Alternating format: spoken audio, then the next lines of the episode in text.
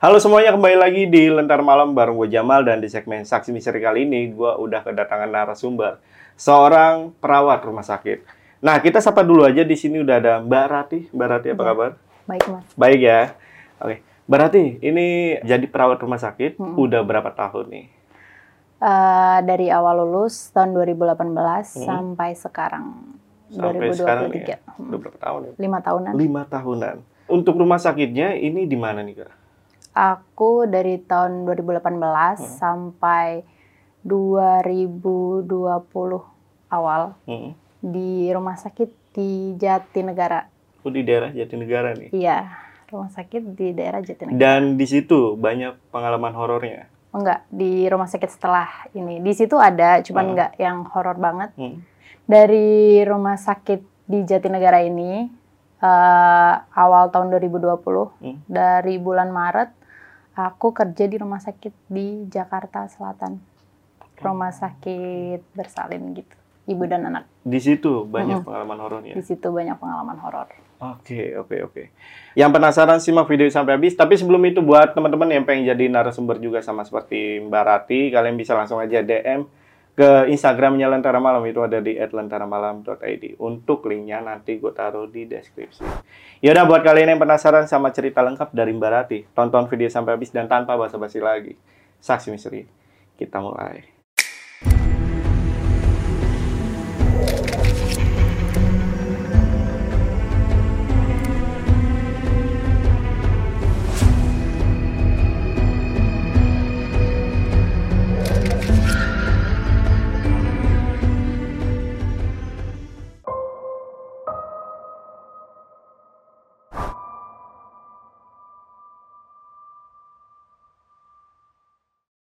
Jadi tahun 2020 itu eh, bulan Maret Mm-mm. aku mulai kerja di rumah sakit ibu dan anak di Jakarta Selatan. Mm-mm. Eh, awal masuk situ sih biasa aja kayak yang ya udah rumah sakit biasa, nggak yang kelihatan horor atau apa gitu enggak. Bahkan itu rumah sakit mewah itu. Ya, lumayan. iya, mewah itu. Terus awal-awal kejadian diganggu itu pas mulai masuk malam, shift malam. Heeh. Jadi awal eh, kerja di situ kan belum langsung dikasih shift malam gitu kan karena anak baru. Jadi masih penyesuaian, masih Mm-mm. adaptasi gitu kan. Walaupun sebelumnya ada pengalaman kerja juga, tapi tetap aja masih disesuaikan lagi sama sistem kerja yang di situ. Mm-mm. Eh, mulai masuk malam itu setelah dua bulan di situ, kira-kira dua bulan di situ udah mulai dikasih masuk malam. Kejadiannya sih rata-rata pas ya dinas malam itu Dari jam berapa sampai jam berapa? dari jam 9 Hmm. sampai malam ya sampai pagi jam 7. Jam 7 Ah. masuk. Oke. Jadi kalau perawat itu kan ada tiga shift. Mm-mm. Yang satu shift pagi, shift siang, sama shift malam. Eh, kalau sebulan itu biasanya empat kali dinas malam. Oke. Jadi awal digangguinnya itu pas baru pertama kali dinas malam di situ. Sebelumnya sih teman-teman udah ngasih tahu, Mm. eh Tih, eh, minggu depan udah mulai dinas malam nih. Kayak dikasih clue-cluenya gitu. Iya, iya. Wah, siap-siap aja ya. Udah dikasih tahu kayak gitu lah. Siap-siap aja nih ntar bakal ada yang kenalan Mhm. gitu. Tapi ya udah kayak apaan sih? Paling cuman ngerjain gitu doang kan. Aku Hmm. emang rada penakut di situ kayak yang denger suara apa langsung oh, takut-takut gitu lah. Terus ya udah langsung pas dinas malam pertama itu emang keadaan lagi menstruasi. Hmm. Kan katanya kalau lagi menstruasi emang sering digangguin gitu kan. Iya. Jadi pertama kejadiannya itu aku dinas malam bertiga Hmm. sama Budian sama Kak Mega. Mm-mm. Dua seniorku karena aku masih junior jadi kita dinasnya di bertiga biasanya cuma berdua. Hmm. Udah kan kita ngerjain kerjaan-kerjaan yang belum kelar dulu nih, kayak yang ngeberesin alkes-alkes, terus ngerapi-rapihin tempat tidur lah, segala macem. Udah, udah selesai kerjaan baru kita tidur. Mm. Jadi di ruang operasi itu kan ada namanya ruang pemulihan, ruang pemulihan pasca operasi. Kita berdua tidur di situ aku sama kak Mega. Sedangkan Budian tidur di kamar dokter. Jadi cuman aku sama kak Mega doang di uh, ruang pemulihan itu. Jadi di ruang pemulihan itu kan ada tiga bed. Bed tempat tidur pasien setelah selesai operasi kan. Aku tidur di pojok kak Mega tidur di tengah. Gitu. Jadi ini awal mula banget aku digangguin ya di situ. Terus di deket bed itu ada pintu pintu yang dua arah gitu loh bang. Jadi bisa didorong bisa ditarik gitu hmm. kan. Di situ pintunya kaca. Kaca uh, malam-malam setengah bukan malam sih udah pagi ya dini hari. Sampai jam setengah tiga tuh aku belum bisa tidur. Hmm. karena gimana ya baru malam pertama di situ gitu loh. Sampai jam setengah tiga belum tidur. Terus aku kan tidur tutupan bed cover ya karena emang agak takut sih hmm. malam pertama. Si seniorku si Kamega ini udah tidur duluan. Cuman aku aku doang yang belum tidur. Dari balik aku tutup apa namanya tutup muka aku pakai si bed cover ini samar-samar ngelihat anak kecil mainan di pintu. Mainan pintu itu dia tarik dorong tarik dorong gitu. Kedengeran dong itu iya denger. pintunya kret kret kret kret gitu. Nah si anak kecil ini cowok sosoknya cowok dia pakai celana warna coklat. Celana tahu nggak sih celana SD pramuka? Zaman dulu kan pendek ya segitu. Sama kaos putih berkerah gitu loh. Uh, potongan rambutnya kayak mangkok. Cowok ini anak cowok. Iya bajunya dimasukin gitu lah. Si anak cowok terus dia sempat ngelirik ke aku. Tahu nih kayaknya diliatin nih sama aku. Itu bener bukan ya? Itu itu ada ya terus aku tutupan lagi. Kayak itu bener nggak ya? Itu bener nggak ya? Setelah itu karena aku penasaran masih ada nggak nih anak mm -mm. aku buka lagi. Aku intip dari balik bed, bed coverku. Masih ada dia mainan pintu itu. Masih. Kret kret gimana sih? Anak kecil kan yeah. iseng kayak gitu ya kret kret bunyi. Tapi seniorku nggak ada yang bangun. Cuman aku doang kali yang diliatin. Terus udah gitu aku tutup lagi karena aku masih ngeliat si anak kecil ini. Terus udah aku tutup aku masih penasaran masih ada nggak ya. Aku buka dia udah di depanku. Jebret bener-bener di depanku. Dia ngeliatin muka dia dia jongkok di depanku di kan bednya kan agak tinggi ya. Iya, iya. aku tiduran dia jongkok di depanku. Jongkok bener-bener kayak gini ngeliatin terus kayak aku kan gemeter hmm. nggak bisa teriak. Namanya orang ngeliat kayak gitu gimana sih? Hmm. nggak bisa teriak nggak bisa ngomong mau manggil seniorku pun nggak bisa. Padahal kan deket ya bed satu sama bed satunya itu kan deket jaraknya tuh nggak jauh. Mau manggil seniorku tuh nggak bisa. Udah habis itu aku merem usaha merem ngelihat lagi udah nggak ada. Itu gangguan malam pertama. Berarti benar-benar ngelihat eh, tampak jelas lah ya? Tampak jelas Nah itu sosoknya itu ketika ngelihat yang tampak jelas itu kayak gimana nih kak? Boleh didetailin nggak? Ya. Kayak anak dia pucat kecil. atau apa? Anak kecil biasa. Uh -uh. Biasa anak kecil, tapi kulitnya putih banget putih. Mukanya pucat ya kayak ya gimana sih mayat kayak mayat. Pucat hmm. banget kayak yang udah nggak ada auranya, gitu lah pokoknya. Tiba-tiba dia nongol di depanku, udah aku nggak bisa apa-apa. Uh.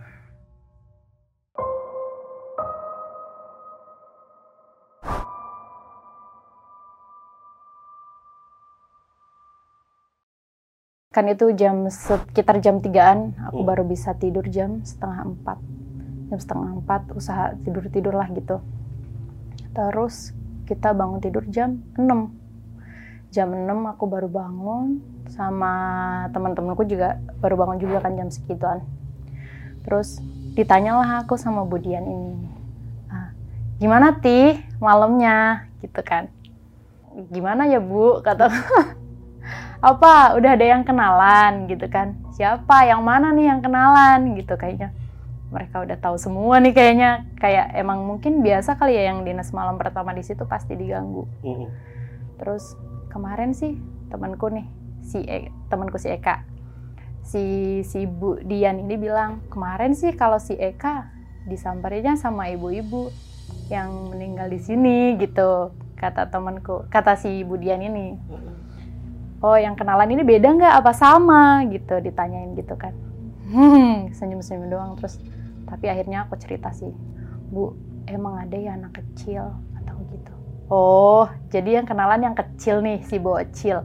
Itu nanya gitu. Terus si seniorku si Kamega ketawa-tawa dong ah lu tidur jam berapa semalam? Gitu kan kayak udah pada tahu nih hmm, sialan gak di beneran nggak dikasih tahu maksudnya nggak dikasih tahu dari awal bakal Iya. ada yang ngegaguin sosoknya ini ini ini. Kalau dikasih tahu kan mungkin oh jadi ini yang mereka maksud gitu kan. Mm-mm. terus udah udah nggak apa-apa tih namanya juga baru mungkin mau kenalan sama kamu gitu. Oh ya udah bu. Jadi gimana ceritanya? Jadi udah aku ceritain sama mereka. Itu loh bu di pintu situ. Oh iya emang gitu. Terus aku tanya sama temenku namanya Eka si Eka ini emang anaknya bisa ngeliat gitu kan Mm-mm. Iya, kamu diliatin yang itu ya, yang di situ. Iya. Oh, itu kan emang ada di situ suka ngacak-ngacak alkes juga. Namanya juga anak kecil, suka mainin, suka iseng lah, gitu. Aku konfirmasi lagi sama senior yang dulu pernah kerja di situ. Mm. Aku tanya, kak emang ada ya anak kecil di sini? Dia tempatnya di pintu situ. Oh iya, kenapa? Udah kenalan. Nggak apa-apa sih dia baik, cuman emang iseng namanya juga anak-anak.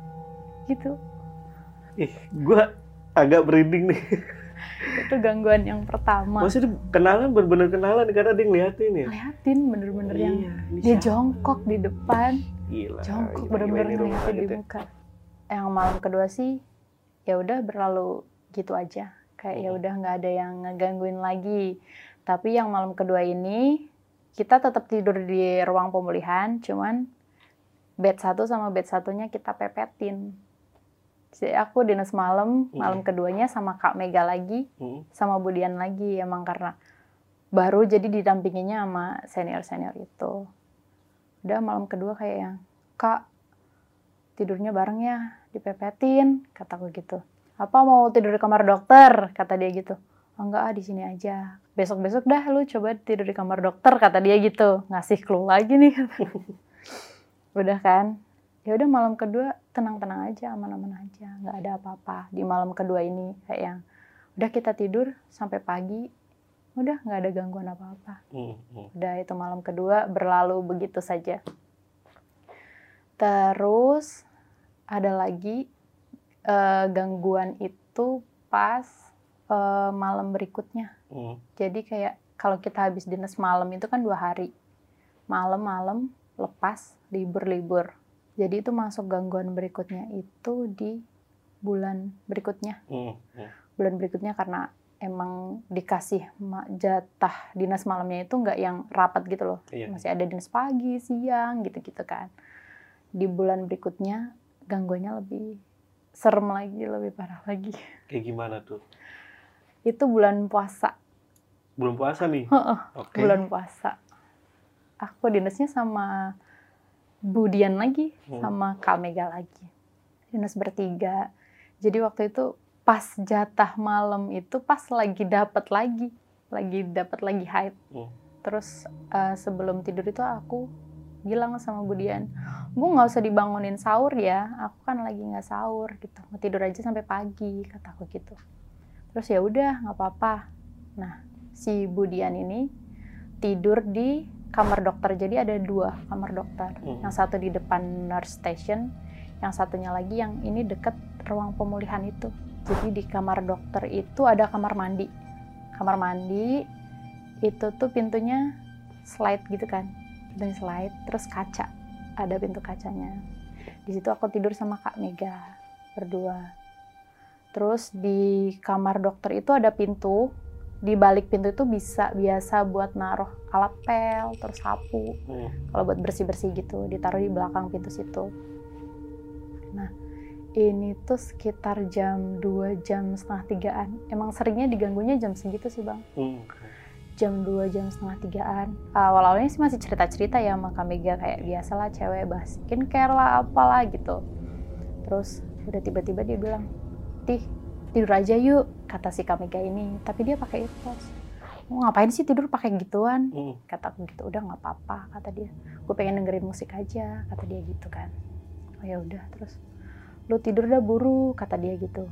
"Ah, belum bisa merem kak kata gue gitu kan. Oh kebiasaan lu ntar ada yang kenalan lagi kata dia gitu. Hmm. ya udah deh ya udah dimerem-meremin. Merem-meremin. Yang awalnya tuh ngelihat kalau kamar mandi kan lampunya nggak boleh dimatiin sama si Budian ini. Jangan dimatiin pintu kamar mandinya. Ya udah nggak dimatiin. Jadi ngelihat kayak sosok nenek-nenek.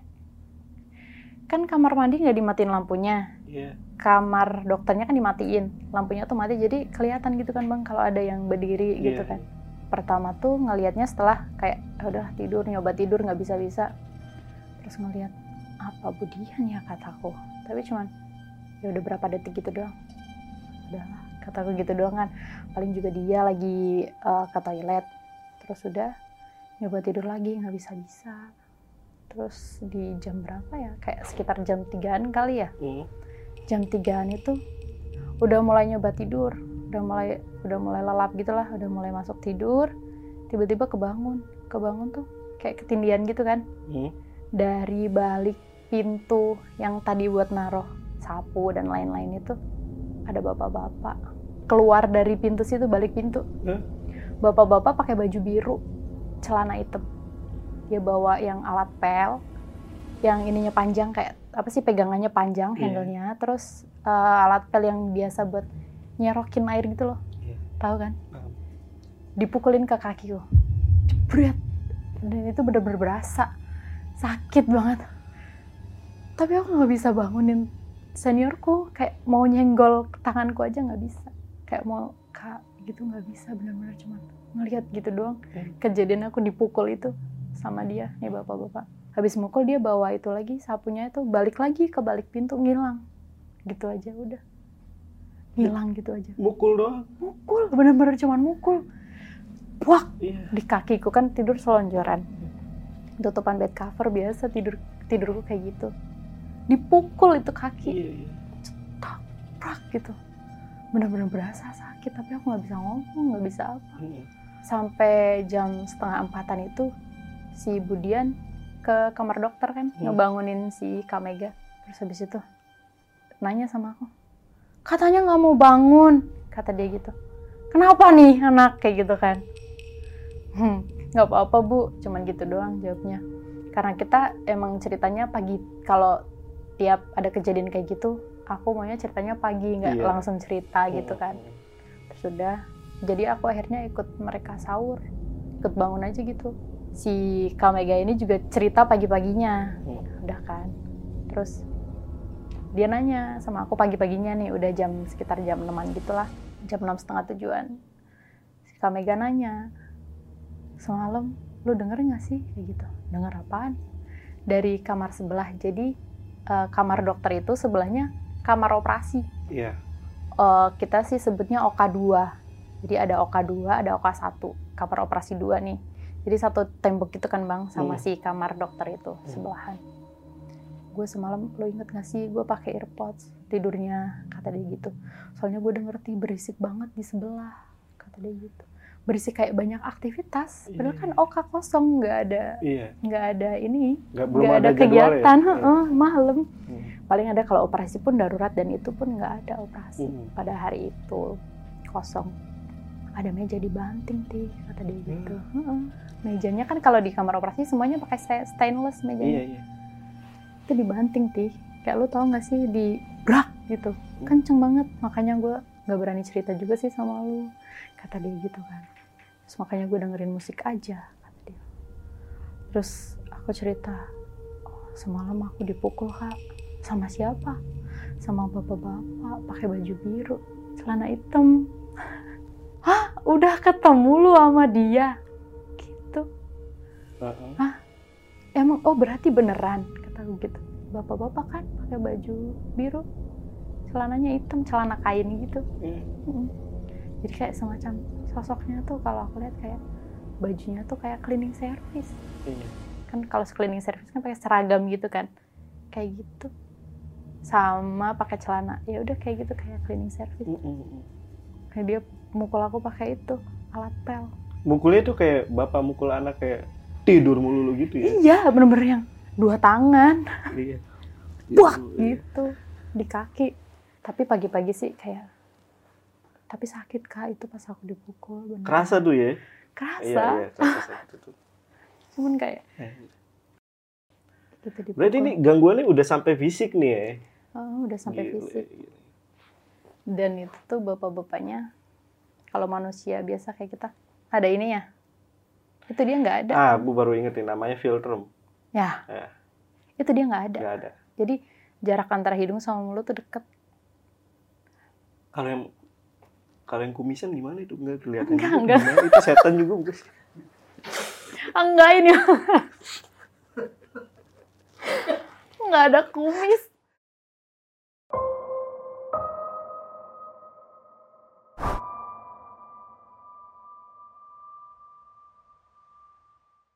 Nah, itu gangguan di bulan kedua malam pertama. Mm-mm. Itu tadi ngeliat yang sosok bapak-bapak itu, mukanya kayak muka marah. Mukanya marah gitu loh, kayak Iya. ini orang bikin salah apa sih aku, kataku gitu. Terus masuk malam kedua, ya itu kan pagi-paginya kita udah cerita gitu kan, Mm-mm. sama si Kak Mega, sama si Budian, sama seniorku yang masuk pagi. Iya. Digangguin lagi tih, kata mereka gitu. Iya kak, ada lagi. Terus, oh emang iya, kata si senior yang dulu di sini juga emang ada sosok itu di balik pintu juga emang. Biru kan bajunya, celananya hitam. Iya, sosok itu yang aku lihat. Gitu, oh berarti emang ada. Terus masuk malam kedua, jaganya sama mereka lagi. Sama Budian, sama Kamega lagi. Terus waktu itu gangguannya si anak kecil ini lagi. Mm. Si anak kecil yang mainan pintu. Iya iya iya. Nah, tapi dia beda lagi nih yang dimainin. Jadi karena aku digangguin mulu, aku minta sama Budian sama Kamega tidurnya bertiga aja yuk. Kataku gitu. Tapi tetap aja aku yang ngalah tidur di bawah. di kamar dokter itu kan spring bed cuma cukup buat berdua. Mm-mm. Terus aku ambil matras. Matras aku tidur di bawah lah. Tapi ya tetap aja alhamdulillahnya bertiga tidurnya. Iya iya. Udah kan. Mereka ya biasa tidur duluan nih mereka. Udah tidur duluan. Tuh kan pasti aku ditinggalin tidur. Tapi mereka bilang, ayo tidur, merem makanya. Nanti diliatin lagi, kata dia gitu. Udah. Ya gitu gangguannya tetap masih sama sih jam-jam setengah tiga, jam tigaan gitu. Mm-mm. Jadi kebangun kebelet pipis. Kebelet pipis terus kayak aduh bangun gak ya, bangun gak ya? Ditahan kok masih lama. Kayak ya udahlah bangun aja. Terus ke kamar mandi, udah selesai pipis, kamar mandi terus balik lagi, rebahan lagi lah. Kan jadi mau tidur lagi susah ya. Iya. Tidur lagi susah. Ya udah pokoknya tutupan lagi tuh pakai pakai bed cover. Terus karena kalau tutupan gitu kan nggak bisa nafas ya bang ya. Kalau Iya. tutup semuanya susah nafas aku buka lah gitu. Di karena kamar dokter ini deket sama ruang pemulihan Hmm. yang ada bed tiga itu. Ngeliat lagi aku anak kecil itu main lompat-lompatan di bed. Di bed kayak anak kecil tau gak sih lompat-lompatan Iya. njut-njutan gitu Eh. di bed itu ya anak kecil itu lagi sambil kayak ketawa hahaha Kedengeran suaranya. iya hahaha gitu lompat-lompatan gitu sambil na- narik-narikin hordeng Wah, gitu terus aku langsung pindah ngadep ke membelakangnya dia lah biar aku nggak ngeliat lagi. Mm. udah istighfar istighfar ya Allah. Cuman tetap mau bangunin mereka takut. Astagfirullah ya Allah. Cepet hilang dong ini si anak ini kataku gitu kan. Tapi ya kayak munculnya tuh mereka cuman ya kayak 10 detik nggak yang sampai lama gitu tuh nggak. Cuman yang parah ya itu si bapak-bapak itu yang sampai fisik gangguannya terus kata seniorku emang dia sih yang paling kejam Si bapak-bapak. bapak-bapak ini ya emang mukanya muka marah muka marah serem gitu lah Nah, si bapak-bapak itu kan pakai baju kayak cleaning service ya. Itu baju cleaning service rumah sakit itu? bukan Bukan, bukan bukan beda tuh. kayak beda kayak mungkin dulu kali ya zaman dulu Mm. ya tapi kemeja Mm-mm. kemeja kayak ya seragam CS gitu tapi Hmm. nggak nggak sama kayak seragam CS di sini. Cuman ya gitu lah. Kayak bajunya bener ada kok. Mereka konfirmasi iya ada di situ emang. Seringnya emang di situ. Mm-mm. itu ngebangunin lu kali tih sahur. Kan lu bilang nggak mau bangun sahur. Bener-bener dipukul pakai iya. itu pel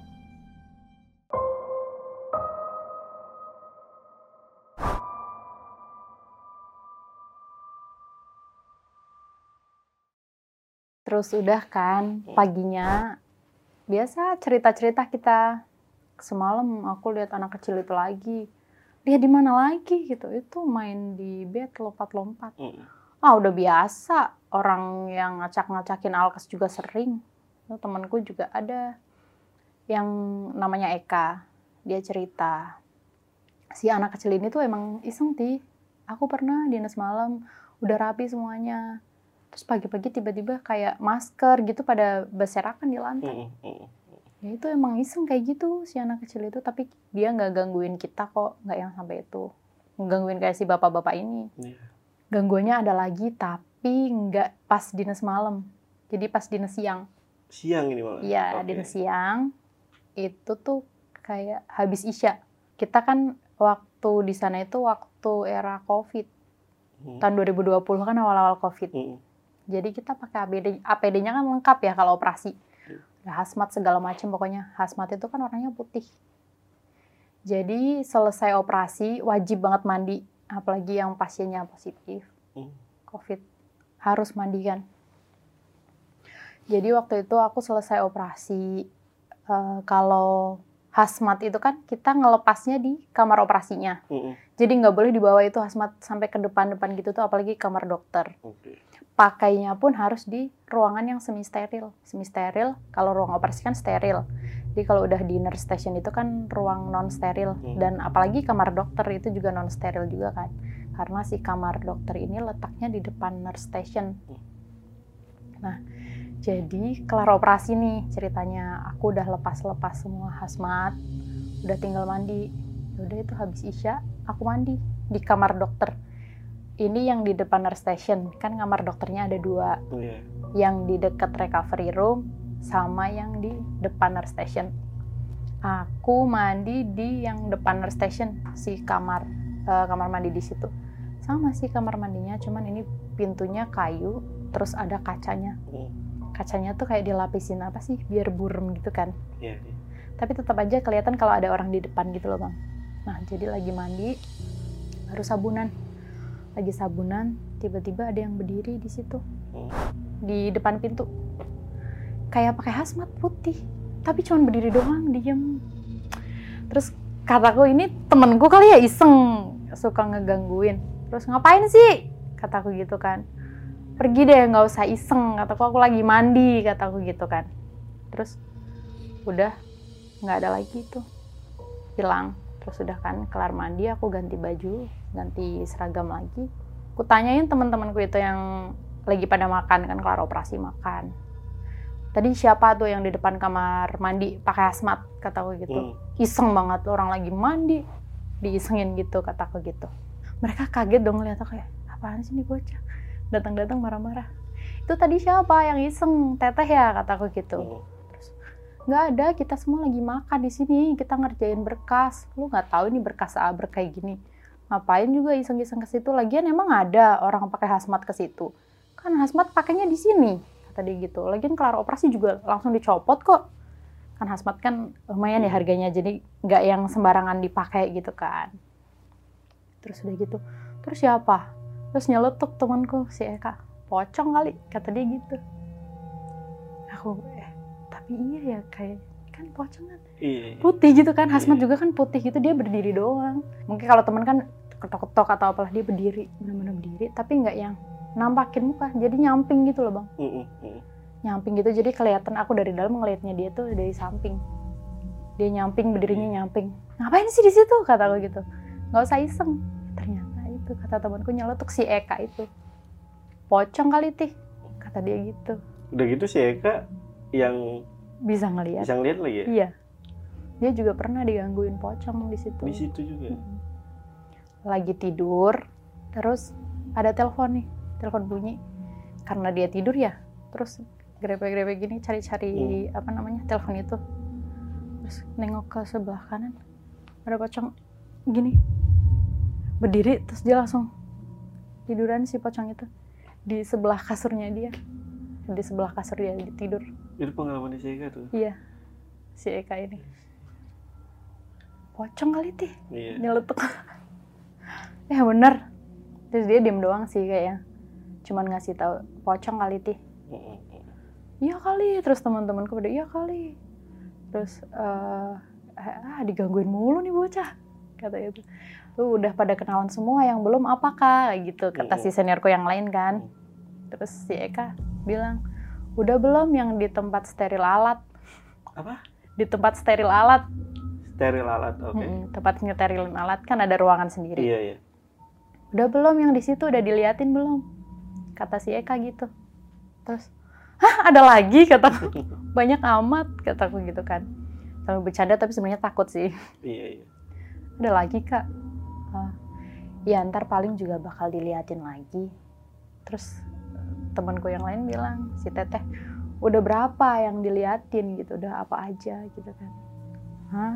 Ini ini ini kataku pasti bapak-bapak si nenek-nenek Mm. sama si Anak kecil. anak kecil terus jadi pocong oh berarti paling bentar lagi yang di tempat steril kata dia gitu.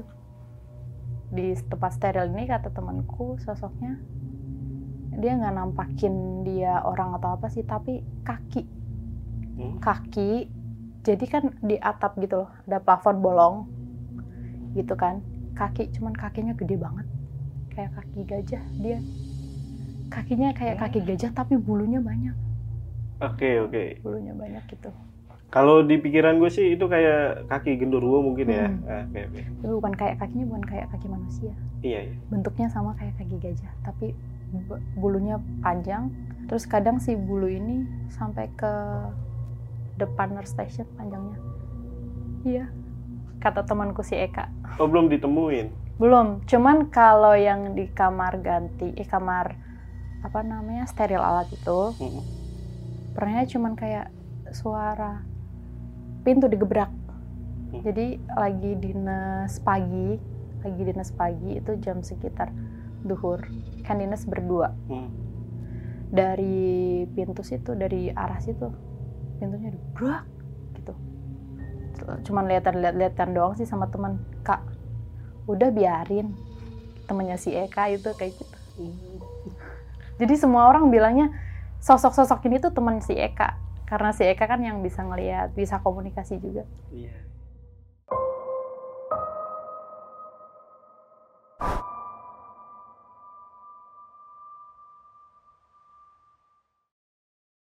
jadi waktu itu kan hmm, Bu Dian ini tidur di kamar dokter yang deket recovery room. Mm, mm, mm. lagi tidur itu tiba-tiba tutup lampu. Jatuh. Jadi tutup lampu di plafon itu. Ah, Iya. jatuh nih banin brak kayak ini tutup lampu nggak kenapa-napa. Mm, mm. tapi tiba-tiba jatuh. Terus kata temanku si Eka itu biasa bu yang di situ. Iseng gitu sih yang di dalam kamar situ Siapa ini? Ini sosok yang mana? yang bapak-bapak Bapak-bapak lagi. itu kejadiannya siang loh padahal siang itu biasa bu yang itu kata si temanku Oh, tadi gue sempat notice yang entah dari kata-kata Budian atau Kak Mega itu yang bilang kalau ada sosok ibu-ibu yang meninggal di situ tuh. Hmm. Bener ya? Hmm. Itu ada ceritanya gimana itu?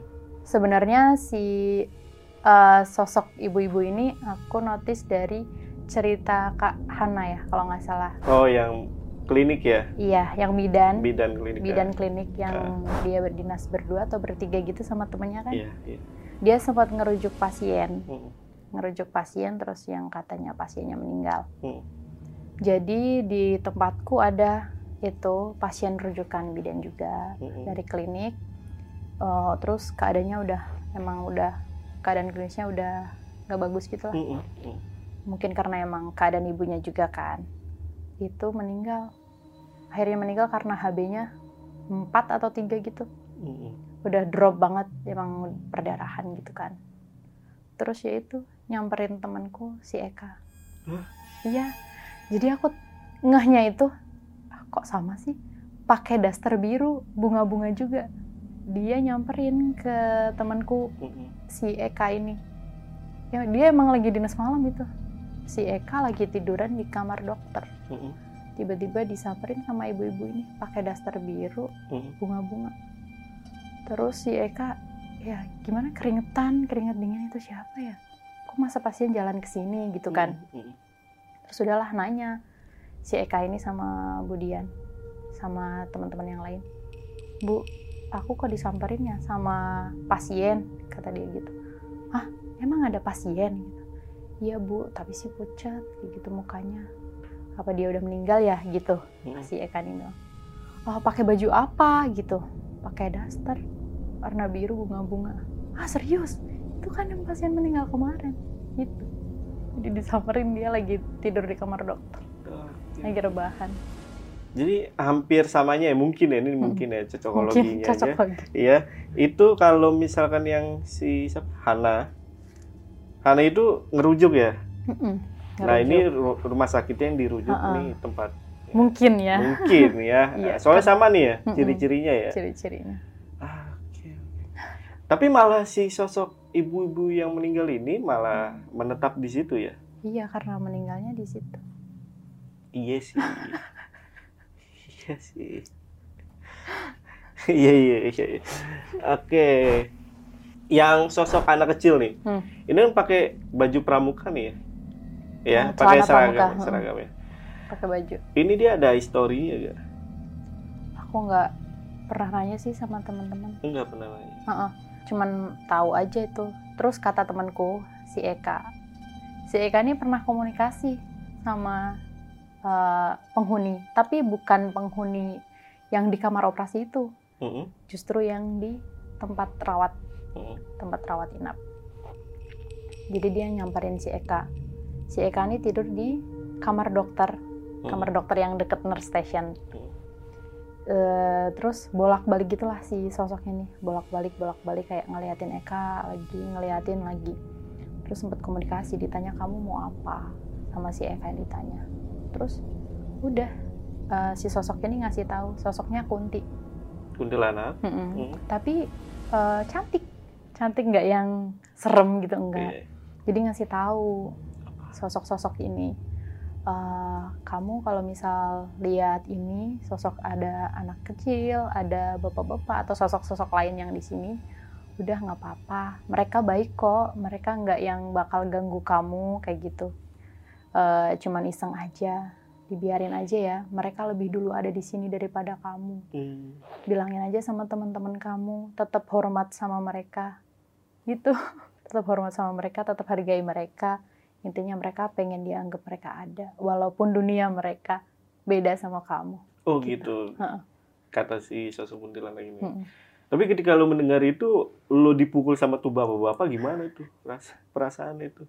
kayak ah serius sih sampai dipukul beneran sumpah terus kayak ya ngebangunin kan ya mereka Iya. nanggapinnya kayak gitu kan lu nggak mau dibangunin nggak mau dibangunin sahur ya kan bu lagi haid kataku gitu kan ngapain kayak gitu kan Hmm. bangun mending tidur ya makanya itu lu dibangunin sama dia gitu Eh, gue penasaran sama apalagi security-nya ya. Security sana ya.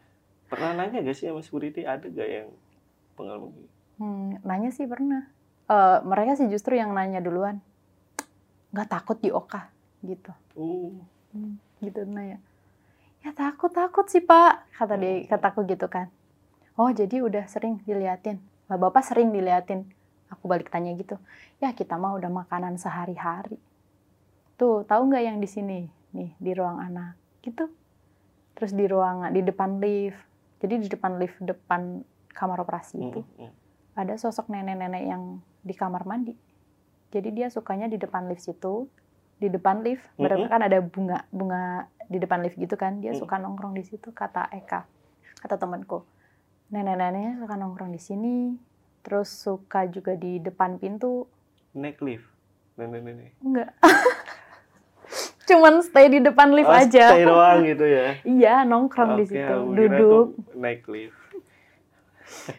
sama di kamar mandi situ. Kalau itu dokter. yang sosok pocong pakai hazmat, Pocong pakai asmat. Udah pocong pakai asmat lagi. Itu ada latar belakangnya nggak sih? Mungkin karena emang dulunya tempat situ kayak hutan kali ya bang. Kayak ya emang dia ada di situ dari dulu. Nggak kata ada si sosok dari Enggak. ya apa dari senior senior gitu nggak ada enggak, nggak ada cerita gitu. enggak. Cuman yang ibu-ibu itu doang. Ibu-ibu sih. tuh doang. Mm-mm, Oh, Ibu-ibu oke. itu. Ih, gue ber... Ya? Iya. Iya yang kalau kali. cleaning service itu yang bapak-bapak itu pernah kerja di situ mungkin ya. Tapi kan beda baju. Ya kan bisa jadi dulu atau cleaning service rumah sakit sebelah Iya. main doang gitu. Tapi-? Enggak, enggak pernah. Cuman ya mereka juga nggak tahu itu dari mana. Jadi kayak si Eka ini cuma dikasih tahu sama si sosok Kunti kalau mereka itu udah ada lebih dulu dari kalian. Jadi tetap hormati mereka. Nggak ganggu tapi main fisik ya. Gile. anjing. Itu sakit loh. Itu lu Sakit kena banget. yang gitu kan gue tahu tuh yang pelan. Heeh, yang Tapi yang buat gituin air. Heeh. Itu kan karet tuh. iya, Nah, lu kena karetnya atau yang, yang batang ininya, ini? batangnya. Jadi batang. dia, dia megang yang tempat karetnya, Oh. disabetin. Wak! Gitu. Kedengkul. Coba kayu ketemu tulang. Bangun lu tidur mulu lu.